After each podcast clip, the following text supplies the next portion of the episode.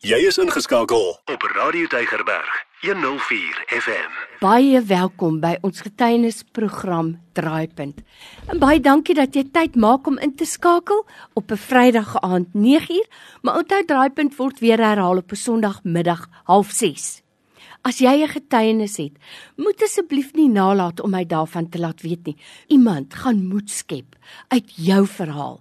So stuur net vir my die woord draaipunt met 'n SMS na 32716. Dit kos R1 of 'n WhatsApp 0844104104 en dan skakel ek ook met jou. By my in die ateljee sit 'n man wat sê Die teksvers oor my lewe is Habakuk 3 van vers 16 af. Al sou die vye boom nie bot nie en jy ken die res van die verhaal. En as jy nou sy getuienis hoor, sal jy dink dis baie moeilik om te verstaan hoe 'n mens so blymoedig kan wees maar hy gaan nie sy storie vertel nie. Hy sit self hier by my in die ateljee. Dis Leandro Apollos en ons sien so uit om te leer uit jou reis uit. So baie welkom en dankie dat jy ingekom het. Dankie Lorraine vir hierdie geleentheid. Dis 'n voorreg om aan die luisteraars te vertel hoe groot hierdie God is wat ons dien. En al gaan dit nie altyd die manier hoe ons wil hê dit moet gaan nie. Soos my geliefkoeste skrif sê dat al sal die vye boom nie bot nie. Mm. Al is my sakke nie vol geld nie, nogtans sal ek jubel want my omstandighede bepaal nie wie hierdie God is in my lewe nie. Dis so mooi gestel. Ons fokus moet na bo wees. Maar dit beteken nie dat ons reis altyd net voorspoedig sal wees nie. So jy loop 'n pad met kanker en dis die diagnose wat baie mense vrees. En ek wil sommer nou hier aan die begin vir jou uitnooi om te gaan kyk na die foto op ons Facebookblad. Vertel vir ons van jou reis, Leandro, want ek dink min mense sal dit kan glo. Ja, dankie Lorraine. In 2019 as ek gediagnoseer met liposarcoma kanker en die dokters het vir my en vir my vrou gesê dat dis die eerste keer dat hulle hierdie tipe kanker binne iemand se buik sien want Normaalweg is dit 'n tipe kanker wat by jou arm groei of by jou been groei. En dit was nie maklik nie. Maar omdat ek 'n kind van die Here is en omdat ek die Here dien met alles wat in my is, was ek voorberei want die woord sê dat hy laat vir ons na die Heilige Gees wat ondeurgrondelike dinge aan ons sou bekend maak. Hmm. So toe wanneer ek die nuus skryf van dat ek is gediagnoseer met kanker, kon ek dit vat met 'n glimlag want ek het geweet want ek is die derde geslag van my ma se kant af en van my pa se kant af wat hierdie geveg stry want my pa het 2016 afgestaan aan kanker. Sy ma se 'n paar jaar voor dit is my ouma dood daaraan. Heidaglik veg my ma met kanker mm. borskanker. My ma se oudste suster gelukkig nou die dag het sy gesê die dokter sê dat sy is skoon. Mm, mm, prys die en ons kan net alle lof en alle eer aan die Here gee Maar my reis is dat tot en met hierdie jaar toe ek het die pad geloop ons moet ons kinders voorberei vir die ergste. Mm. En die dokters in die Parel het gesê dat hulle sien nie kans omdat die risiko te groot is. En ek is verwys na UCT hospitaal toe, die akademiese hospitaal. En daar het ek ontmoet met 'n professor wat spesialiseer in hierdie tipe operasies. Nou jy sê Leandro, die kanker was in jou buik. Wat was die tekens wat vir jou sê daar's fout? Hoekom het jy dokter toe gegaan? Ek het van my vrou gesê my maag raak 'n probleem en ek wil begin gesond lewe. En ons het begin gesond eet en alles het begin maar word, maar my buik het groot gebly. En dis wat ons toe agterkom dat iets is nie reg nie. Hmm. En ek het nog gewerk, maar ek het toe 'n afspraak in Desember by die dokter gemaak. En die 1 Desember was my nagskof by die werk en ek sê vir my kaptein dat ek voel sleg, ek gaan mm. huis toe, maar ek gaan mos die dokter sien die maandagooggend. En toe ek by die dokter kom, sê die dokter is nou net uh, jammer dat ek kom te laat, anders sou hy my laat opneem want hierdie lyk na vog wat in my buik is. Mm. En ek moes toe die woensdag gaan vir toetse vir 'n sonaar, vir 'n biopsie en hulle kon toe nie duidelikheid sien op die sonar en ek moes toe Louis Leipel toe kom vir 'n CT scan want die masjien in Parel het nie gewerk nie. En dit was die donderdag en die en die internis sê my ma, die gewas is redelik groot, so mm. hy gaan my oorhandig aan 'n chirurg. Mm. En ek kom by die chirurg en hy sê vir my meneer, die gewas is groot, maar ek kon moet met die radioloog en ons self vanaand sit en dan sal ek vir u die nuus kom gee. Mm. En dit was die 5de Desember 2019 op 'n donderdag aand. En hy kom toe terug en hy sê ons maak 'n afspraak vir die 12de. En dis toe dat ons die 12de Desember die nuus kry dat dit is kanker. Dit is 'n redelike groot gewas en hulle handig my oor aan UCT. In April maand 2020 sê my vrou vir my kom ons moet iets maak ons bel die professor en luister of hy nog hierdie operasie gaan doen mm. en ek maak kontak met met Glen wat die persoonlike assistent is mm. sê vir ja want ek wil weet wat is die ernstigheid van Natuurlijk. my kanker en gaan die professor nog die operasie mm. doen dis die woensdag die vrydag bel se mense vir my maar professor wil volgende week in woensdag opereer en die maandag kontak die professor my en hy doen die toelating en hy sê vir my meneer Apollos die risiko is groot ons het geen waarborge nie ons sny Ons sien ons kan niks doen nie, ons sit terug. Sjoe. En jy gaan huis toe. Mm, mm. Die ander een is ons sny en jy bloei dood. So Waarde. jy moet die keuse maak. Sjoe.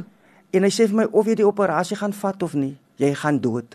Maar die maandag wat ek en hy praat en ek sê van professor, ek weet nie wat is u geloof nie. Maar my geloof oortuig my dis 'n deur wat die Here gaan oopmaak het. En as die Here my anyway ook daar wil vat. Mm gaan die Here my vat, niemand gaan hom keer nie. Mm. Maar onmiddellik bedien die Heilige Gees my. As God jou wou gehad het, sou hy jou gevat het deur die kanker. Mm. En ek kan vir sê ons is die oggend in my vrou moes vir my by die deur by sê want as COVID, hulle ja. laat niemand toe nie. Ai jene. En ons kindertjies as ons nou al voorberei want dit het mm. baie trane gekos want wat as pappa nie huis toe kom nie. Natuurlik. Daar is die waarborge nie. Mm. Maar wat Jesus doen is wel gedaan. En dis wat ons altyd vir hulle gesê het. Nou by my in die ateljee vandag het ek vir Leandro Apollos met so 'n kragtige verhaal en wat vir my uitstaan van jou en selfs ek voor die tyd jou verhaal gelees het is hoe blymoedig jy is. En weet jy, 'n mens kan dit net doen, daai vrede, daai vrede wat alle verstand te bowe ja. gaan, kan net van die Here afkom. Definitief. Ek is tot die 22ste 2020 in Ek was net 5 dae in die hospitaal met daardie operasie. Die 27ste toe ek kon slaan. So hulle verwyder toe groot gewas. Hulle verwyder die gewas. Ek het 78 geweg toe ek ingaan, toe ek uitkom toe weeg ek 58 kg. 20 kg. 20 kg. Dis so groot soos 'n kleuter. Ja. Mens kan dit nie verstaan nie. Twee sakke aardappels. Dis net die Here se genade. Dis die Here se genade. En die kanker het nou 2021 teruggekom, Maart maand. My maand toe moes ek weer geopereer word kanker verwyder toe kon saam met toe bars met dik derm. Toe moet ek vir 'n noodoperasie gaan. Dis ernstig. Vir 'n kolostomie. Mm.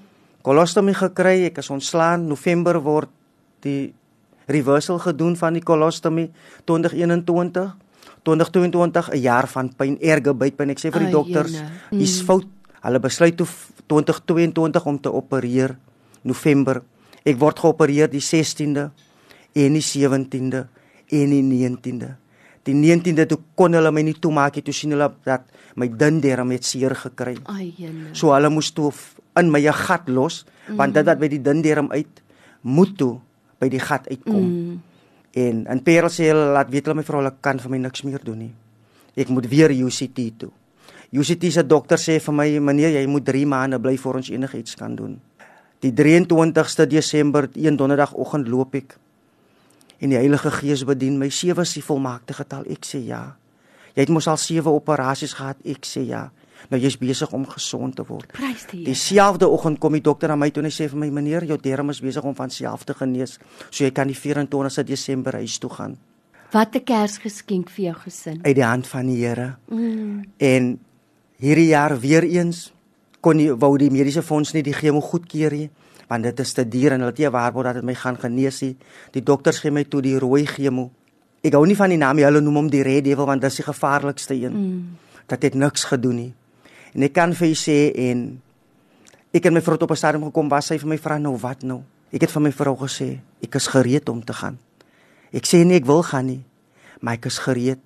Alles in die hand van die Here. Maar weet jy die Here so goed. Dieselfde chemopil wat die mediese fonds mediese fonds afgekeur het, het hulle hierdie jaar goed gekeer.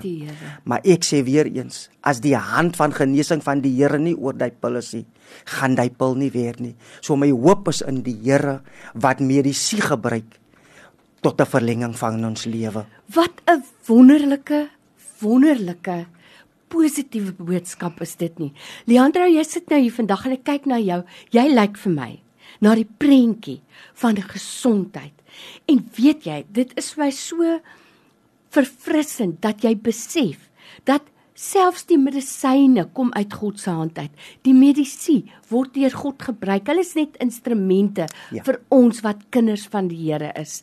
Jy sit hier so blymoedig en steeds weet 'n mens dat volgens die medisyne is daar niks verder wat hulle kan doen nie, but God. Yes. Dit sal ons nooit vergeet nie. As iemand nou na ons luister vandag wat miskien hierdie diagnose gekry het van kanker en nie daarmee kan vrede maak nie. Want weet jy as ek nou jou kyk, die vrede wat jy het, yes. kan nie menslik verduidelik word nie. Dit is net 'n vrede wat van God afkom. Maar wat se woord het jy vir so 'n persoon wat nog nie daai vrede het nie? My woord wat ek sê is dat in Johannes 11 sê die woord dat siekte is nie tot die dood toe nie, maar tot die verheerliking van God, mm. sodat die seun van God verheerlik kan word. En ek kan vir u beloof ons is maar net pelgrims in 'n dorre land. Dat is nie ons tuiste nie. Mm. Ons woon net tydelik hier. Ons daar is 'n lewe na die dood. So u kan verseker weet dat dood en kanker is nie 'n doodsvonnis nie. Dit is 'n reis waarop ons gaan vir hulle wat met ons is en die Here wil maar net wys dat hy nog steeds God is. Amen. En ek hou so daarvan dat jy gesê het voor ons begin het Leandro. God wil net afskou met my. Ek wil jou sê jou positiwiteit het nou vandag vir my verskriklik baie beteken. Baie baie dankie daarvoor. En ek wil jou verseker ek sal vir jou bid en vir julle gesin. Baie en dankie. ek wil jou ook net gerusstel. Ons luisteraars is ook bidders. So bid vir Leandro Apollos en sy gesin. En dis die gebed van my hart dat die Here jou vir nog vir baie jare vir ons hier op die aarde sal spaar. Maar God het sy plan en jou fokus is op hom. Jy sê dit so mooi. Ons is maar net bywoners hier. Ons is hier met 'n wiese man. Dis ons permanente ja, woonplek. definitief. Baie dankie. Vir jou tyd vandag ons waardeer dit. Dankie. Dis 'n plesier. Onthou, as jy graag self met Leandro wil praat of jy wil hom uitnooi om by gebedsgroep te kom gesels, sy nommer is 084 611 95 084 611 Elke dag jou nommer 1 keuse. Radio Deugerberg 104 FM.